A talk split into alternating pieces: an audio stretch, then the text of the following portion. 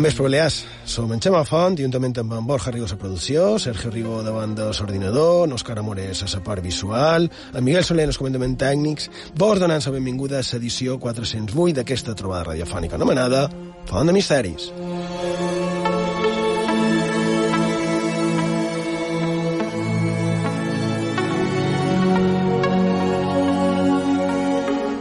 Vespre, Borja Rigo. Bon vespre. Sergio Rigo, bon vespre. Bon vespre, Xemà. Bé, comencem la sessió dominical eh, de Font de Misteris i, si vols, podries fer sumari, formes de contacte i comencem.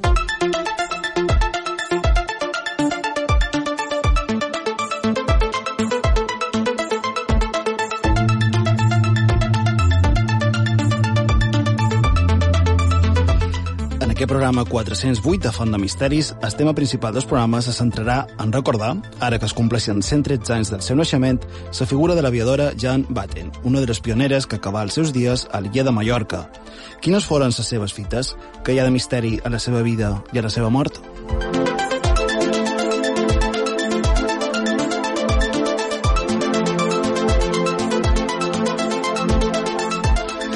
Uns diversos es coneixerà el que podrien catalogar com el primer caçafantasmes de la història.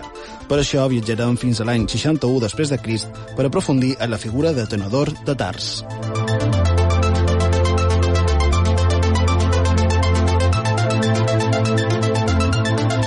I com cada setmana recordem als oients que ens podeu enviar tot allò que vulgueu en els nostres mitjans de contacte. Ho podeu fer, com sempre, per WhatsApp i Telegram. El número de telèfon és 659 769 52. Ho repetim, 659 769 52. També ho podeu fer per correu electrònic fontdemisteris arroba ib3radio.com fontdemisteris arroba ib3radio.com També mos podeu seguir a les xarxes socials. A Facebook i a Twitter ho podeu fer cercant Font de Misteris.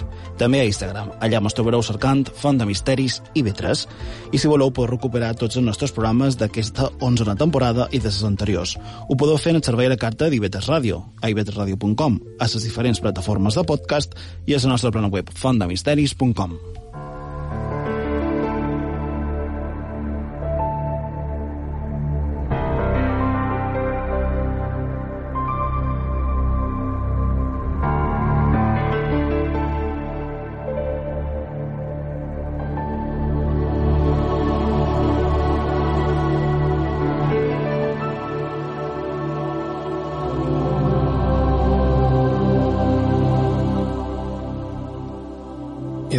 la setmana passada, Sergio digueres que aquesta parlaries de qualque dona viatgera, però no d'aquelles dones viatgeres que feien allò, eh, feien això, viatjar. Eh? Viatjar i, i, per exemple, els escrivien, eh? descrivint una mica les seves vivències. Mm, Podrien ser precursores no? de les guies de viatges o també fins i tot d'estudis antropològics i, i socials i és veritat que a les nostres illes hi va haver un, un grapat, com per exemple Nel Enxussat, que per cert les seves memòries van ser editades fa un, uns anys, però crec que encara són a l'abast i, i crec que són recomanables. Però tu volies, Sergio, parlar d'una altra dona i d'un altre tipus de viatge. I de si mireu, fa uns 15 dies, el 15 de setembre, com sempre, les casualitats fan que avui estem aquí recordant això. Es complien 113 anys del naixement de Najan Gardner Patten, a Nova Zelanda. Per a qui no escoltes el nostre programa anterior, segurament se demanarà i qui va ser Najan Patten? I per què ara contam la seva història, aquesta història d'una dona que va néixer a Nova Zelanda? I de, com adelantarem el programa anterior, Nayan Batten, a més de les seves gestes en el món de l'aviació, per casualitats també de sa vida, va acabar en els seus darrers dies just aquí, a Mallorca. Si vos sembla, ara embarcam i anem a conèixer qui era aquesta dona.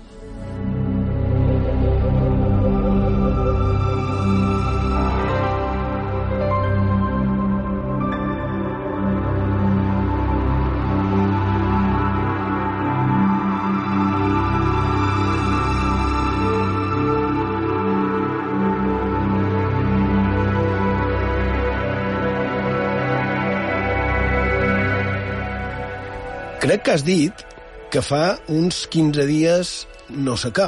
No, mos, hem, mos hem mirat així sí. de manera estranyada, dient... Pues, pues no m'ha ni Fa compte. 15 dies encara estàvem de vacances, entre cometes, estiuanques. Vull dir, um, el motiu per què me vares dir, jo t'he dit perquè tu me vares dir, el motiu per què volies parlar de Najim Baten és perquè el 15 de setembre es va complir el seu, o s'hagués complit el seu aniversari.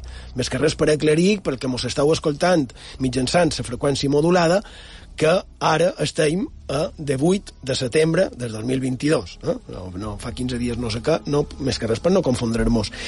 Um, era així, no, Borja Rigo? Correcte. I de Sergio? Pues no sé ni què he dit, però sí. És igual. I de, mireu, resumir en uns minuts la vida de, de Navaten és molt complicat, perquè hi ha molt que contar. Però sí que hi ha qualque data molt curiosa que no podem deixar passar avui. Com també diguérem en el programa anterior de Font de Misteris, la biografia de Navaten me recorda molt a la d'Amelia Heard, Eh, de fet, com veurem al final d'aquesta història, la seva família, per un error burocràtic, se pensava que li havia passat precisament el mateix que a Amèlia. Per començar pel principi, segons les seves biografies, i concretament el llibre Jen Batten, The Garbo of the Skies, sabem que en Jen Batten va ser una de les grans estrelles de l'aviació dels anys 30 del segle passat. Els seus espectaculars vols oceànics des d'Anglaterra, Austràlia, Nova Zelanda i Amèrica del Sud són qualificats igual d'importants que, el, que els de Amy Johnson, os de Amelia Heard.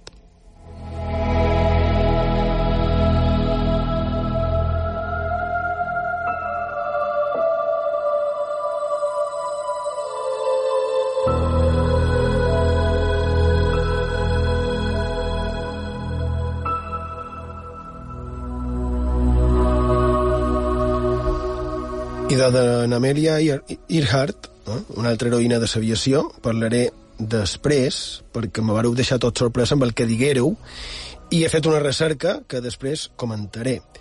I de l'altra que citada, de Nami Johnson, podem dir que, que mireu si va ser important que l'any 1942, durant la Segona Guerra Mundial, li varen dedicar fins i tot una, una pel·lícula, eh? Wings and the Woman, eh, Ales i, i sa dona. No? I als anys 20 del segle XX comença a popularitzar-se la carrera per l'aviació, allà hi va haver un grup de pioners i de pioneres que contra el que dictaria la... jo diria que, que en contra del que dictaria la raó es varen decidir per dur a terme el que serien autèntiques proeses o locures, eh? Més que res perquè les condicions tecnològiques i mecàniques evidentment deixaven molt que desitjar encara. I entre elles i ells hi era Nami Johnson, que has citat, que va aconseguir el 1932 batre el rècord anterior de volar de manera contínua des de Londres fins a Ciutat d'Escau. I, curiosament, l'anterior rècord del món el tenia en James Mollison, que era l'homo de Naomi Johnson. I la particularitat d'aquest vol, el mèrit, estaria en Los pilotos que han realizado estos vuelos han demostrado su temple de acero y su potente naturaleza para soportar, aparte del cansancio natural de tantas horas de vuelo, las variaciones de clima y de temperatura. En una palabra, el recorrido Londres-El Cabo Londres es la prueba más formidable a que pueden ser sometidos los aviones y los pilotos, considerando a quien realice esta hazaña de una categoría excepcional y al material como inmejorable.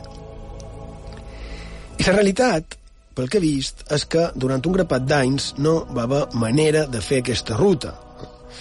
I a part de tot, hem de tenir present que la climatologia, durant aquest trajecte, es veu que era molt, molt variable, i clar, la mecànica, els materials, que no eren com ara, podrien no respondre com, com ells desitjarien. No? I hi ha una curiositat que me va cridar l'atenció, que abans de Naomi Johnson va haver una altra dona que va batre el rècord, una tal Miss Bedford, de la que de moment no he trobat massa cosa més. Eh? Només que jo diria que va ser la primera dona que va fer aquell recorregut, i és una desconeguda. Eh? Miss Bedford és com l'anomenaven a la premsa, eh, estic cercant més informació, i el seu nom seria Mary, però no era Mary Bedford.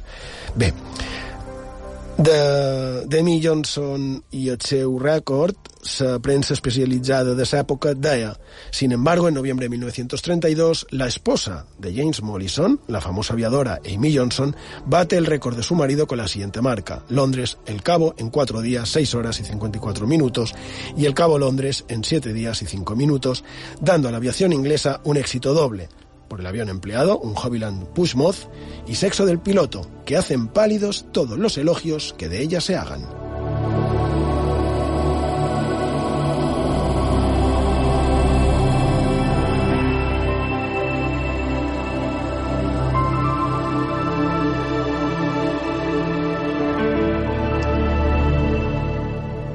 que encara que a dia d'avui el seu nom jo crec que no mos sona massa, sí que és cert que a la seva època va ser ben coneguda, mm, sortia a premsa i també aquí, també a premsa de les nostres illes, les seves proeses eh, acostumaven a, a sortir, perquè, clar, contaven que si anava a Sibèria, que si anaven al Japó, etc.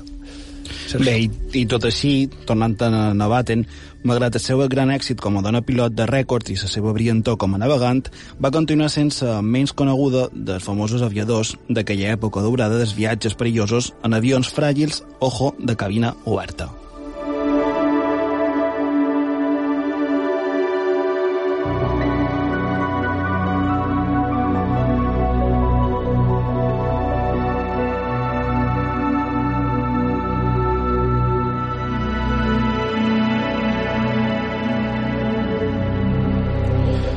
Tot i que era molt famosa en els seus dies, apareixeria regularment en els titulars de primera plana, on hi ha cap referència a la seva existència després de 1937.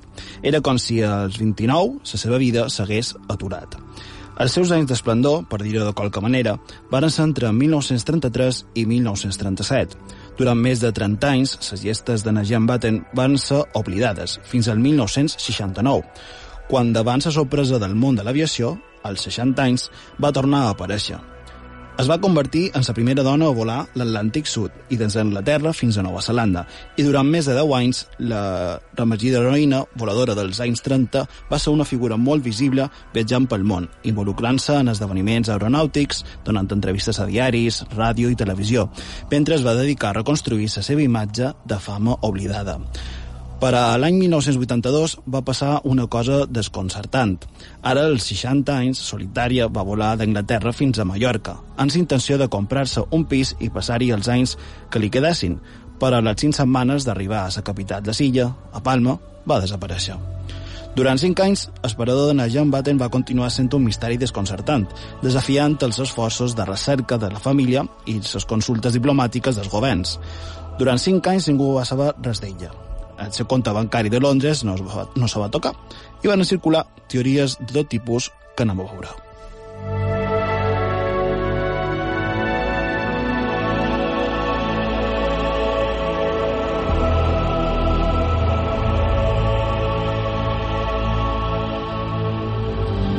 Havia tornat a desaparèixer deliberadament, cosa que havia fet abans, amb intenció de resorgir enmig d'un nou esclat de publicitat, S'havia emmalaltit i estava incapacitada, sent atesa en algun joc per gent que desconeixia la seva identitat. S'havia retirat a un convent mallorquí. Vivia tota sola a un altre, amb un altre nom. S'havia ofegat durant el seu ritual de natació diària o simplement s'havia endinsat a l'oceà per acabar amb una vida solitària.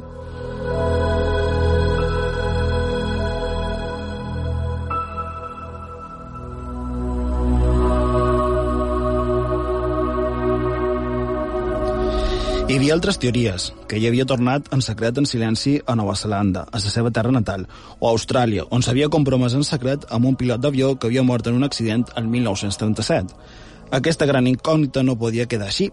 Per això, a finals de 1986, quan la gent havia estat desapareguda durant més de 4 anys, la historiadora Ian McKessie va sortir d'Auckland per intentar establir el seu destí per un documental i un llibre i un programa de televisió. I a partir d'aquí tenim que Mackenzie va decidir muntar la seva pròpia operació internacional de detectius i intentar desvelar els detalls de la seva vida extraordinàriament secreta. Inicialment, amb els seus propis recursos econòmics, va viatjar pel món durant gairebé 12 mesos, localitzant a tothom que l'havia conegut.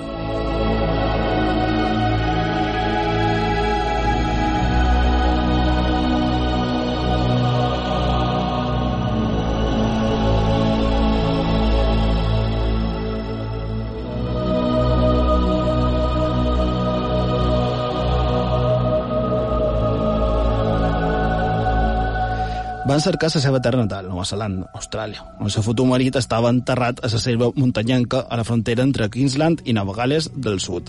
També van cercar Anglaterra, on havia estat compromesa amb un corredor de borsa i on altres homes enamorats d'ella havien ajudat a finançar els seus vols. La recerca se va estendre a Jamaica, també on Jean i Ellen, la seva mare, durant diversos anys, immediatament després de la Segona Guerra Mundial, van viure en gran part de manera anònima en una casa blindada per un alt mur que va construir al costat del Mar Carib.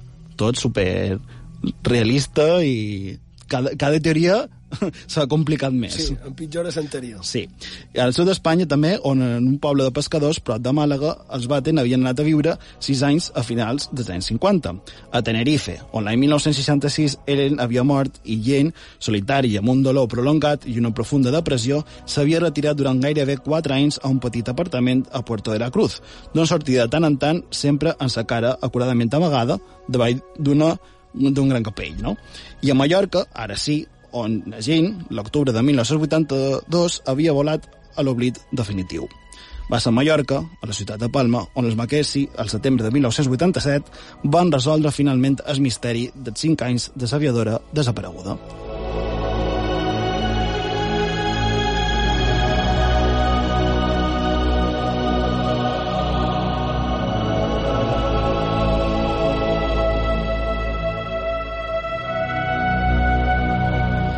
I, efectivament, en una petita habitació d'un hotel, només cinc setmanes després de la seva arribada a Mallorca, Najan Batten havia mort d'una mort tràgica i solitària, mossegada per un cap.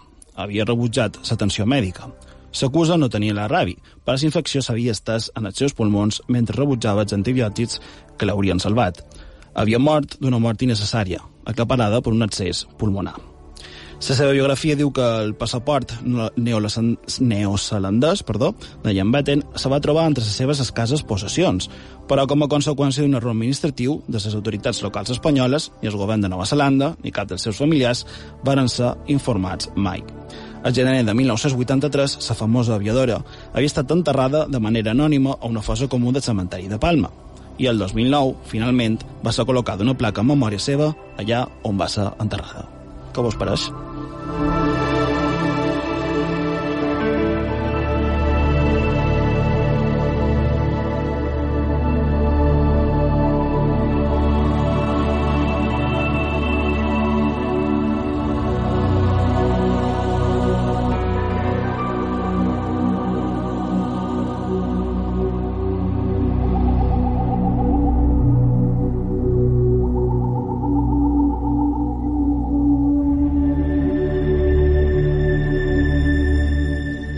jo m'ha deixat bocabadat, sabia de la seva existència, de fet, fa, fa anys d'això ja, però vaig fer un petit reportatge per sa, per sa tele i, clar, més o manco sabia d'ella.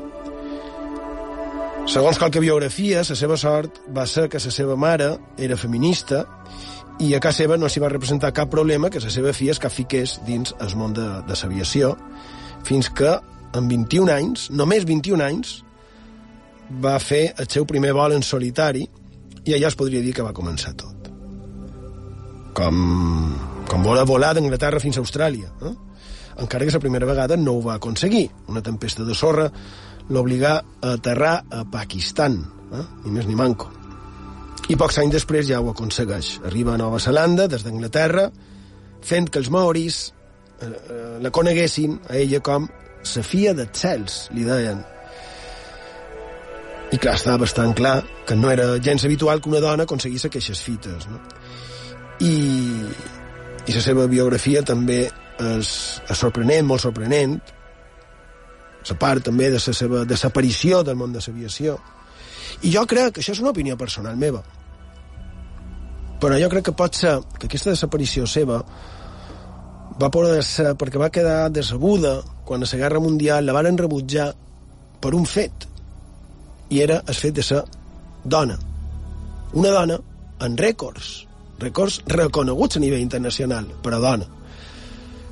Ja dic que és una opinió. I el verdaderament tràgic és, després d'una vida desafiant la mort, constantment, no?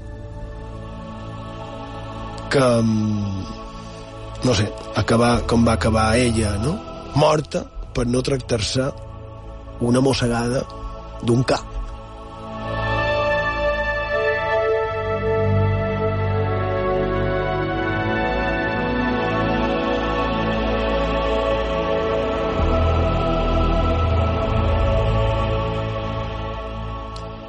Una mort que hi ha qui compara, per l'absurd d'aquesta mort, el d'una altra dona que també fou pionera, que també va ser popular, que també va ser viatgera, que també va estar a les nostres illes, Nan Marie Schotzenbach, doctora en filosofia, arqueòloga, periodista, fotògrafa, novel·lista, ella era suïssa, que va morir per mort d'una caiguda en bicicleta, però després d'una vida intensa i, i rebel, però breu, massa breu.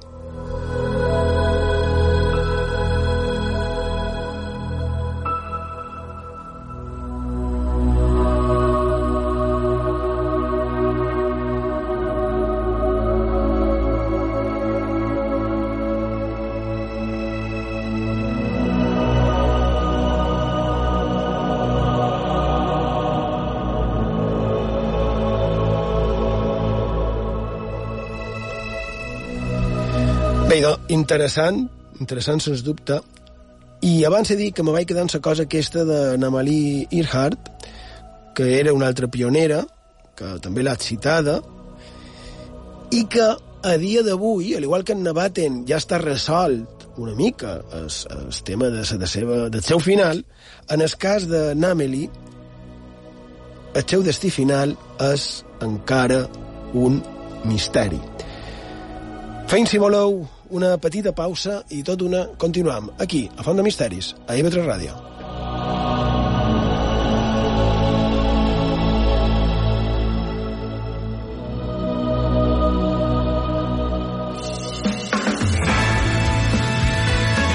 IB3 Ràdio, la ràdio pública de les Illes Balears.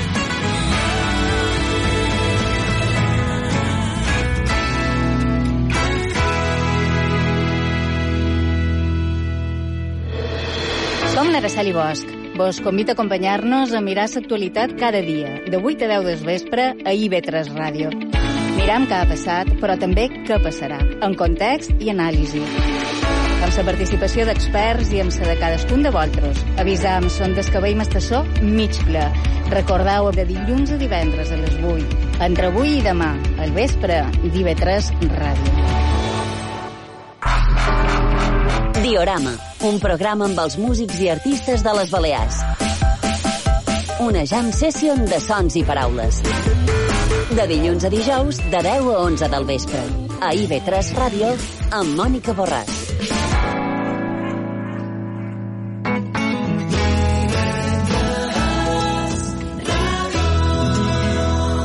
A Pollença, 101.1.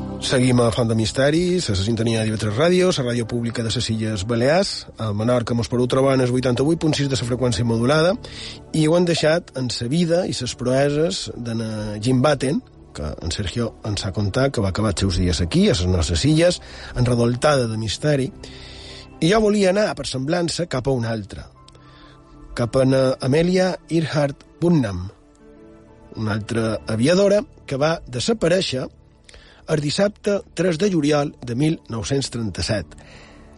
Era, se pot dir, la més famosa aviadora dels Estats Units i tal vegada també se podria dir que del món. De fet, la premsa local d'aquí, com per exemple el diari de l'Almudaina, que després va esdevenir en el diari de Mallorca, va publicar damunt de la seva desaparició.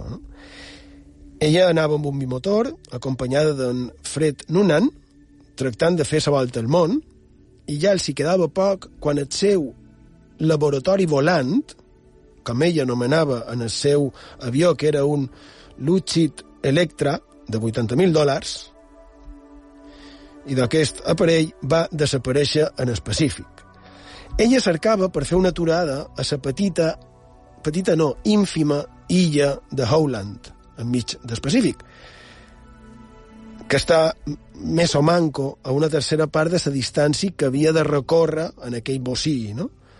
uns 15.000 quilòmetres, I també se m'han comptat, així a la grossa, evidentment, a uns 4.000 quilòmetres, hi havia aquesta illeta on volia aturar. Però, clar, estem parlant de que és una illa que no té ni 3 quilòmetres quadrats. I trobar-la, la veritat, és que no crec que fos gens fàcil. Perquè, a més, una crònica dels anys 50 consultada la definia com una taqueta.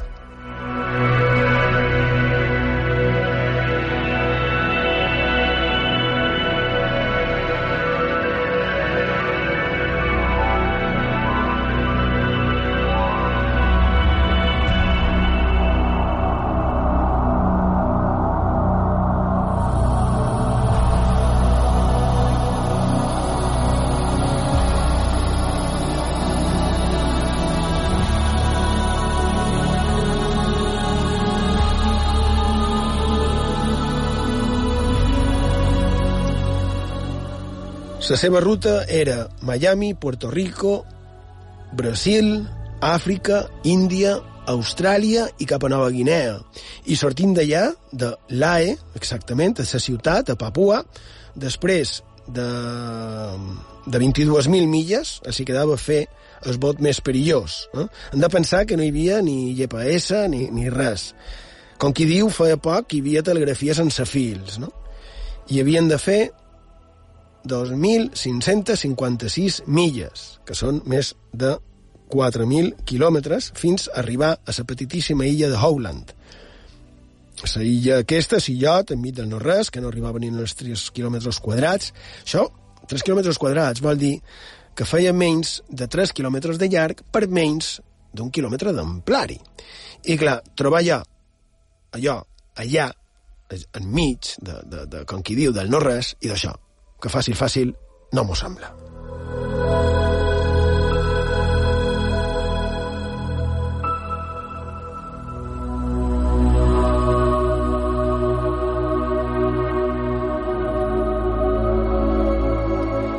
que per cert jo no tenia ni idea, no sé vosaltres, Borja Sergio, de, de l'existència d'aquest illot.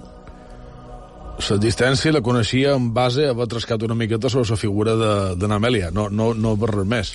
Jo el vaig conèixer fa poquet, un documental que van estrenar recentment, National Geographic. Correcte, després sí. faré referència en aquest, sí. en aquest documental. I d'allò no tenia ni idea de que existia, perquè jo aquest documental no, no l'he vist, no el conec, i i clar, ho he cercat, i és una illa que pertany als Estats Units, que està enmig del Pacífic, i que en el Google Maps surt en blanc, tapat, com si hagués quelcom per amagar.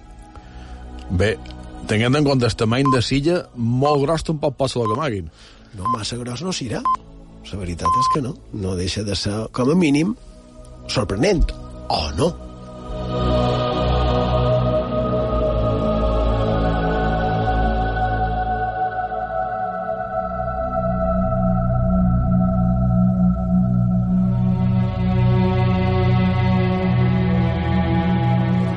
Bé, i a part, aquesta illa té una altura també mínima. Eh? Solamente se eleva unos cuantos pies sobre el nivell del mar. I de la cosa és que ella, dia 2 de juliol, envia missatge radiomensaje diu, dient que li quedava combustible per a mitja hora i que no veia terra. Però també diuen que és probable que en aquell moment ella ja hagués deixat aquell illot al darrere i, clar, poques opcions sembla que tenia de, de sobreviure. Però encara així, quan saberen de la seva desaparició, es va mobilitzar el major contingent per a una recerca que s'havia fet mai. Vaixells hi havia de, de la Marina, guardacostes, fins i tot un portaavions de San Diego, Califòrnia, amb una seixantena, més manco d'avions a bord, que varen anar cap on pensaven que podria haver corregut la desgràcia. Una desgràcia que el seu home, en George Palmer, ja imaginava que podria succeir, donada la afició, sí, la afició de la seva dona a tractar de batre rècords. No? I tan important era aquesta senyora que fins i tot el president Roosevelt es va implicar personalment. I doncs el dia següent de la seva desaparició hi havia 58 aeronaus cercant però varen haver d'abandonar la recerca per una tempesta de, nou, de, de neu, vull dir. I el dia següent sembla que reben per ràdio petites dèbils senyals. Una veu d'home, tal vegada una veu de dona refredada, que servien per donar esperances per a continuar amb aquella recerca. Perquè, a més, no era el primer pic que ella sobrevivia a un accident i, a més, duia un bot salvavides i també robes d'abric a l'avió.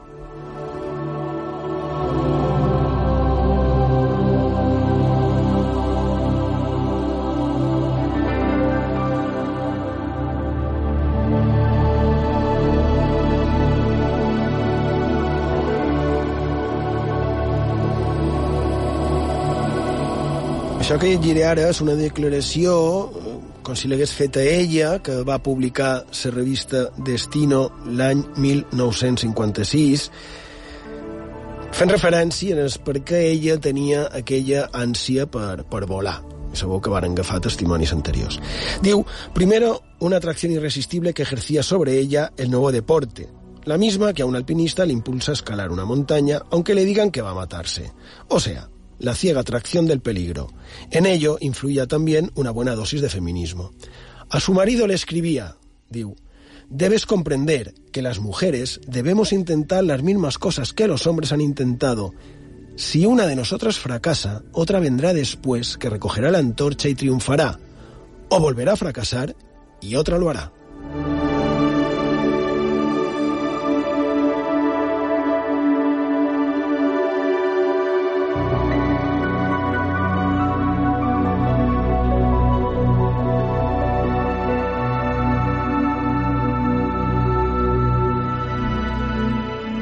Aquest mateix text eh, de reportatge a la revista Destino de l'any 56 ens parla també de les esperances que hi havia de trobar-los en vida i, i dels detalls. ¿no? La búsqueda de esta leyenda viva con pecas, como alguien la llamó, continuaba incansable. El 6 de julio surgió una falsa esperanza cuando vieron unos reflejos que resultaron ser solo los de unos meteoros cerca del horizonte. Durante mucho tiempo hubo alternativas de esperanza y desánimo. En agosto, un ex marino llamado Ubur Ruzar se presentó en el despacho de Putman en la editorial y declaró que Amy vivía aún y que la traería a Nueva York si el marido le daba dos mil dólares. El FBI detuvo a ese individuo que confesó su propósito de estafar a Putnam. La muerte de Amy fue declarada oficialmente por un tribunal de Los Ángeles el 5 de enero de 1939, un any i mig de la seva desaparició. Però no terminó ahí la esperanzada leyenda. Se decía que Amy y Noan habían sido capturados por los japoneses. La Marina ha desmentido varias veces esta hipótesis y no han faltado gentes de imaginación novelesca que han pensado en la posibilidad de que Amy y su acompañante se quedaran en uno de los islotes perdidos y paradisíacos donde se desarrolla el argumento de tantas películas.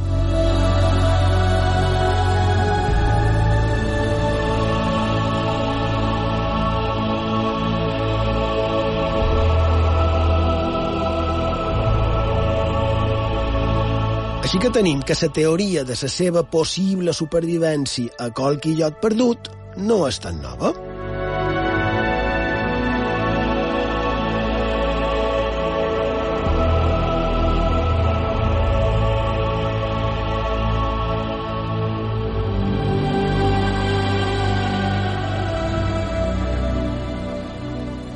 si no hagués mort en l'aterratge o l'amaratge, en aquest cas, si hagués sobreviscut, se plantejaren principalment dues opcions, dues possibilitats.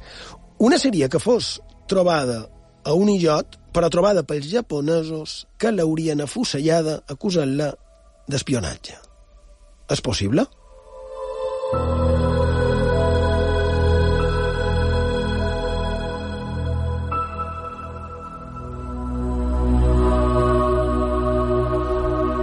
Aquesta teoria la va exposar, per exemple, en Jacques Berger en el llibre Los extraterrestres en la història i, i clar, és una teoria que sembla una miqueta estranya, no? Ell ho diu, la cita, per la desaparició de l'avió, encara que tot indica que realment aquest fet va ser perquè se va quedar sense combustible. Tampoc hi ha massa misteri amb això. I dos anys 60, 15 anys després d'acabada la Segona Guerra Mundial, el Japó oficialment va negar aquesta teoria de que fos afusellada en cap moment. D'acord? Titular. Se niega oficialmente la versión de que la famosa aviadora Amelia Earhart fuera fusilada en la isla de Saipan en 1937. Hace unos días, un oficial de las Fuerzas Aéreas norteamericanas afirmó en Los Ángeles que la Earhart había sido fusilada por los japoneses en la isla Saipan y que está enterrada allí, y aseguró que existía una prueba fotográfica. Además, que el acompañante de la aviadora, el navegante Fritz Nonan, fue también ejecutado, pues lo acusaron como ella de espionaje. La noticia surgió cuando el capitán de transporte aéreo de tropas, Joseph Gervais, destinado en Okinawa, entró en posesión, según le escribió el capitán Bryant, el que ha difundido esta sensacional historia, de varias fotografías japonesas y de las declaraciones de 72 testigos. He encontrado la tumba de Amelia Earhart, decía Gervais. Nadie la ha tocado desde hace 23 años. La guerra ha pasado por encima sin que nadie haya reparado en esto. Las autoridades navales japonesas niegan enérgicamente esta historia y presentan las declaraciones de los mandos que entonces tenían necesariamente que haber estado enterados de este asunto. Amelia Earhart era un ídolo nacional y su enorme popularidad solo puede ser comparada a la de Lindbergh. Clar, tot és que no fos mentida el que declararen els japonesos un pic passats, un bon grapat d'anys, 15. Però tanmateix, després de les, de les múltiples barbaritats que se van cometre durant la segona, la segona Guerra Mundial, tampoc els hi venia en haver afusellat en aquesta dona si l'haguessin afusellat negar-lo. No ho trobau?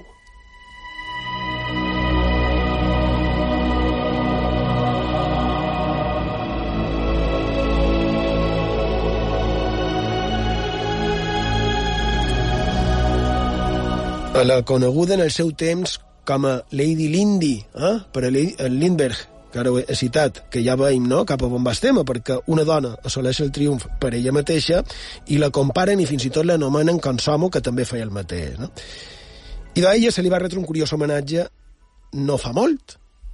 El seu rellotge habitual, que no duia els dies de desaparició, evidentment, era un rellotge de un longins, i de quan encara el russo i els americans eren amics, que no fa tant d'això, i de un astronauta, el primer pic que dues dones coincidiren a l'Estació Espacial Internacional, i d'aquesta dona, que va sortir des de Rússia cap a l'Estació Espacial Internacional, el duia posat. Era una manera de dir que ella, Amelia Earhart, va arribar en allò més a dalt.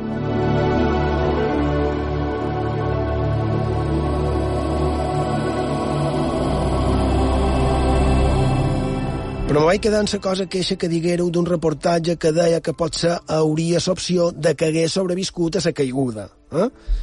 No hem d'oblidar que no se l'ha trobada. I de resulta que el govern dels Estats Units dona oficialment per morta l'aviadora el 1939, però, a part de les que he dit, sorgiren dubtes que precisament eren les que vareu citar vosaltres dos a l'altre programa, que hagués sobreviscut.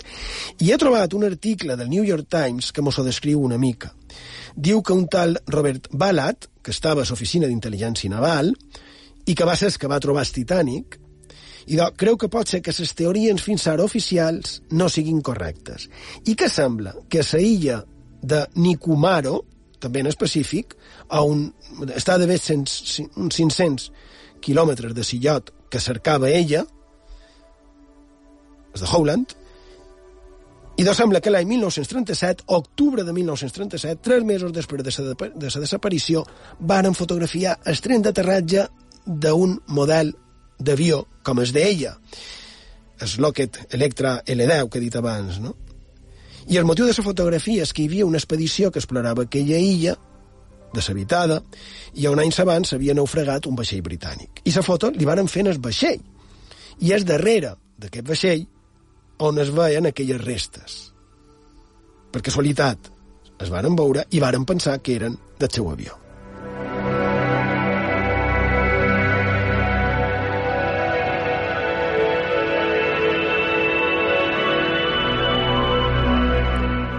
A part de les teories diguem que absurdes que pot haver darrere de la seva desaparició, hi ha la possibilitat de que cercant on per aturar fes un aterratge d'emergència allà. Eh? Ja dic que a 500 quilòmetres, que són molts, d'on tenia previst. I què passa? On és l'avió? I de, probablement per la marea l'avió pugui estar sota l'aigua, perquè cada pujada i baixada pot haver-lo anat desplaçant cap a aigües més profundes. Vendria a ser el que es diu una toló. Eh? Segons diu, la teoria podria ser que ell hagués sobreviscut a l'aterratge. Diu el New York Times que, d'acord amb, amb el report oficial, un pilot de rescat, atenció, va veure mostres d'un assentament recent en aquella illa quan la cercaven. Però com que ningú els hi va fer senyals, l'equip de recerca no va fer cas i se'n va anar. I arrel d'això, la Marina va descartar l'opció.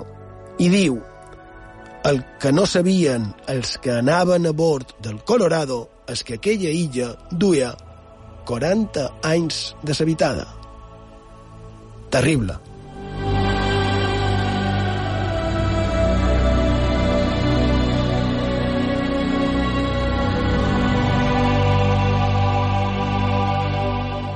Com que pensaven que era un assentament recent, no varen fer cas.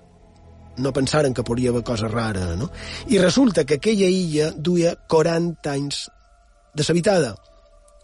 Aquest altre illot, que estic parlant ara, és només una mica més del doble que l'altre que he citat. 6 quilòmetres de llarg per dos d'amplari. I dic terrible perquè realment s'han trobat ossos, s'han trobat restes de material que es correspon, podrien correspondre amb el que ella podria haver duit. I sembla que va agafar amb verosimilitud l'opció de que ella sobrevisqués i estigués allà com una nàufraga durant un temps. Es creu que només un curt període de temps fins que també hagués mort, com el seu company d'aventura. I com queda això a dia d'avui?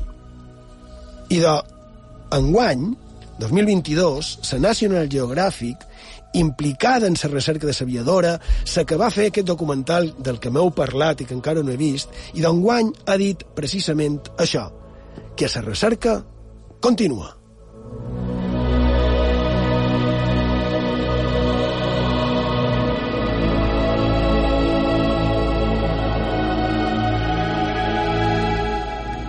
I jo, personalment, he disfrutat amb aquesta història malgrat la tragèdia, evidentment. Eh?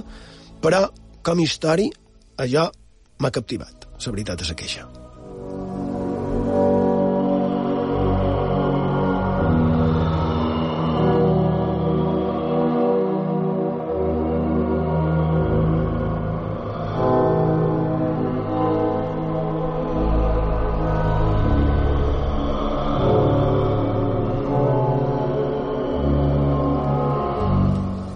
I seguim en temes històrics. En aquest cas mos anem a l'antiga Roma, a una d'aquelles històries on no hi havia influències ni pels programes que surten a les plataformes televisives, ni pel cinema, ni per la ràdio.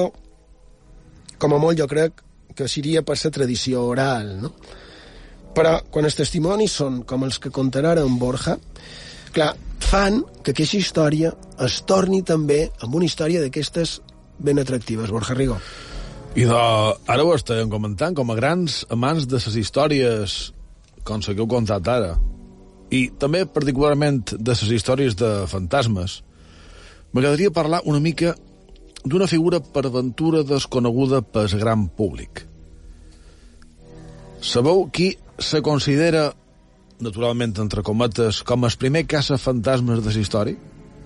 Anam en el segle I de la nostra era. En aquest moment mos trobam en què en Plini el jove, escriptor, entre altres coses, i nascut a Roma l'any 61 després de Crist, redacta una carta que va dirigida en el cònsul Licini Sura, que és ni més ni manco que mi personal tant d'entrejar com de Adrià. I què diu aquest test? I do, que una casa d'Atenes ha succeït un seguit de fenòmens estranys, importants fins en el punt de que els seus habitants han fuit i l'han deixat abandonada. A llibres com Fantasmes, Brujas i Magos de Grècia i Roma trobam que el testimoni és de total confiança d'en Plini, que afegeix que se va veure una figura fantasmal i se va sentir renou d'arrossegar cadenes.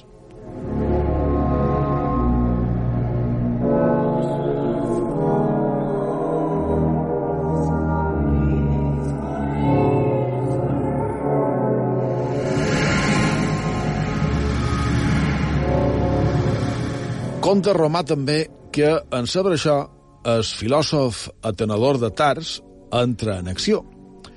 Va saber lo del fantasma i també que la casa se llogava per un bon preu, un preu molt baix. I clar, no se va poder resistir a viure dins ella. Ara aquí seria el dubte de si és per fantasma o és per preu. Però bé, en arribar el primer vespre se va preparar. Va demanar als seus servents que li preparassin material per escriure i un llum per veure-hi bé. Una vegada tot col·locat, se va posar per feina. Va pensar que era la millor activitat possible per passar despert el temps necessari. Així, ja molt de matinada, va compareixer el fantasma, precedit de renou de cadenes. Era un home molt vell i amb una barba llarga, que vestia una túnica blanquinosa. A més, duia grillons a les mans i en els peus. L'atenedor se va posar davant ell i l'aparició va fer gestos de que el seguís. D'aquesta manera, després d'un petit passeig, arribaren a un dels patis de sa casa. En sa just enmig, el fantasma va descompareixer.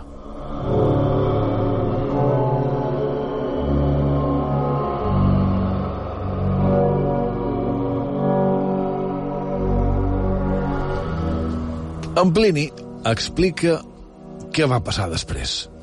No faré la lectura en llatí, clar, però sí he trobat per meu despatx una còpia en castellà que diu Al día siguiente se dirige a los magistrados y les pide que ordenen realizar una excavación en aquel lugar. Se encontraron unos huesos, incrustados y mezclados con las cadenas, que el cuerpo, putrefacto por la acción del tiempo y la humedad de la tierra, había dejado desnudos y consumidos por los grilletes. Los huesos fueron recogidos y se les dio una sepultura pública. En lo sucesivo, la casa se vio libre de los manes debidamente sepultados.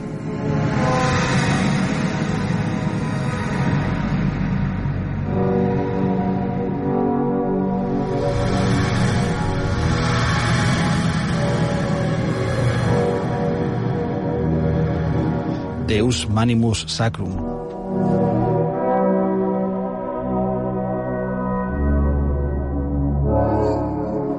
Què has dit? Uh, uh, els déus sacres no caigui Don Borja, els Manimus, els déus sacres Manimus. Exacte. Bé, evidentment, totes les històries de, de fantasmes, i encara més si, si són antigues, com, com he dit abans, sense influències modernes, i d'això, que mos agraden molt, i no m'he pogut resistir, perquè en el mateix llibre d'en Plini el jove hi ha qualque altra referència en el tema dels fantasmes, on, com sempre, ens demostra que això, sigui el que sigui, que no crec que siguis debat ara, o sí, no, perquè no hi ha temps, perquè mos queden 10 minuts, però sigui el que sigui, mos ve d'antic. Diu, nuestro tiempo libre nos proporciona la ocasión a mí de aprender y a ti de enseñarme. Así pues, me agradaría muchísimo saber si tú crees que existen los fantasmas y si tienen figura propia y alguna fuerza sobrenatural, o si, por el contrario, no tienen consistencia ni realidad y adquieren una apariencia a partir de nuestro temor. Yo estoy obligado, en principio, a creer que ellos existen, por lo que he oído que le ha sucedido a Curcio Rufo. Cuando todavía era hombre de poco relieve y casi desconocido, había formado parte del séquito del procónsul de la provincia de África. Al atardecer de un día en el que paseaba por el pórtico de su casa, se le apareció una figura de mujer de una altura y de una hermosura sobrehumana. Ante su, ante su temor, le anunció que ella era el espíritu de África y que venía a predecirle el futuro. Él regresaría a Roma, donde desempeñaría importantes cargos públicos y luego, investido con la suprema autoridad, volvería a la misma provincia donde encontraría la muerte. Todas las predicciones resultaron ser ciertas. Además, se cuenta que al llegar a Cartago y bajar de la nave, la misma figura le salió al encuentro en la orilla. Ciertamente, habiendo caído enfermo, pronosticaba el futuro por el pasado y la adversidad por sus éxitos previos, y abandonó la esperanza de recuperarse, aunque ninguno de los suyos la había perdido.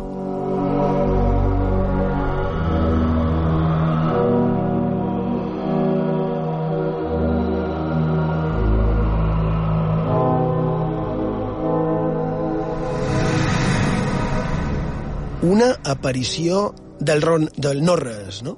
Com si fos la lota de la corba. Una dama blanca. No ho sé. La lota de la corba que et diu el que et passarà.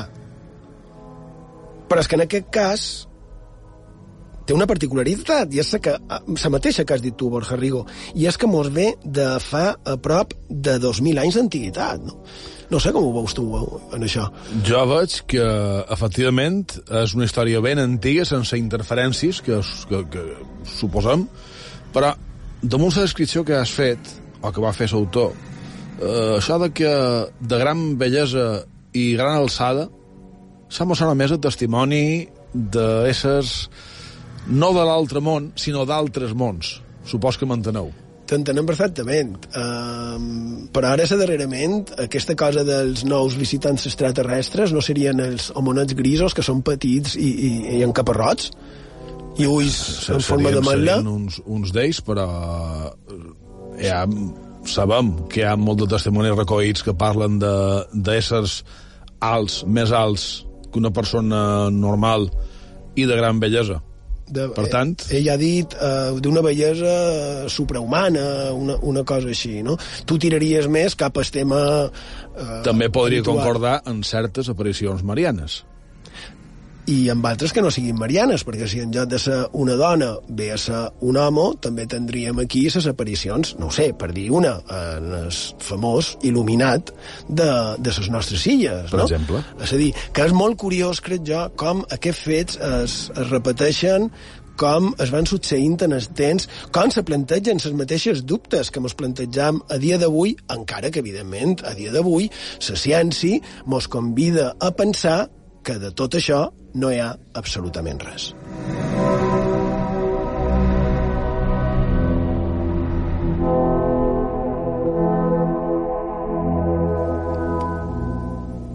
I potser sigui així, però si fos així, fa 2.000 anys tampoc hi hauria hagut res.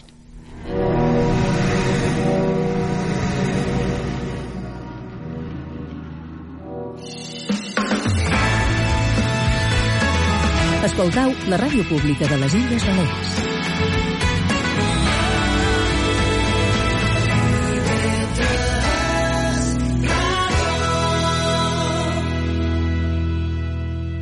Feim un tèntol. De, gen, de, de genollons, co, codonys. De genollons, codonys, collia, de, genodo, de genollons. De jona, jonallons, collia... Tèntol, un programa amb continguts a Balcana, a Batzat i a Coca Dols, de 3 a 6 a IB3 Ràdio. Codonyades. Codonys. Codonyades. Codonys, collia, de genolls, collons... Oh.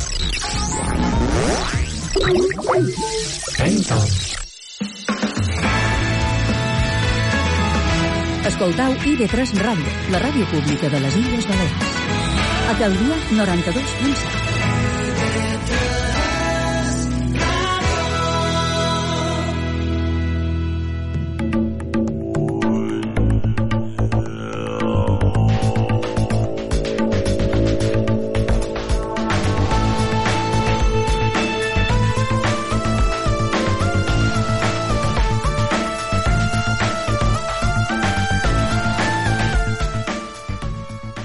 I d'hem arribat la fi del programa d'avui.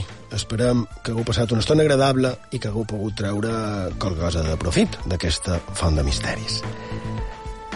De vez en cuando la vida se nos brinda en cueros y nos regala un sueño tan escurridizo que hay que andarlo de puntillas por no romper el hechizo. De vez en cuando la vida afina con el pincel, se nos eriza la piel y faltan palabras para nombrar lo que ofrecen a los que saben usarla. De vez en cuando la vida nos gasta una broma y nos despertamos sin saber qué pasa, chupando un pavo sentado sobre una calabaza. D'en Joan Manuel Serrat, de vez en cuando la vida. Allí, Pau, bona nit. Gràcies per la vostra companyia i fins la que ve.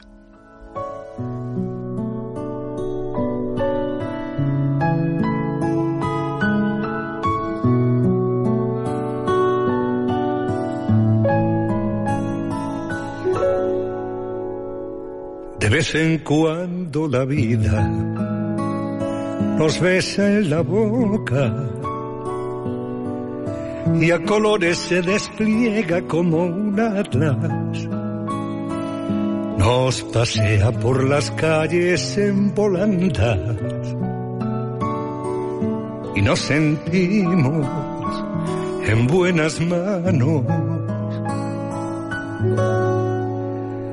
Se hace de nuestra medida, toma nuestro paso y saca un conejo de la vieja chistera.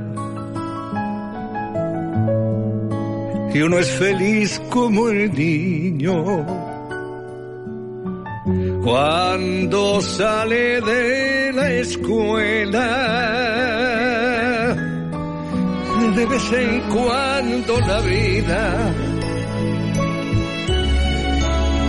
toma conmigo café y está tan bonita que da gusto verla. Se suelta el pelo y me invita a salir con ella a escena. De vez en cuando la vida se nos brinda en cueros y nos regala un sueño tan escurridizo que hay que andarlo de puntillas por no romper el hechizo. De vez en la vida afina con el pincel se nos eriza la piel y faltan palabras para nombrar lo que ofrece a los que saben usarla. De vez en cuando la vida nos gasta una broma y nos despertamos sin saber qué pasa. Chupando un palo sentado sobre una calabaza. De vez en cuando la vida. De vez en cuando la vida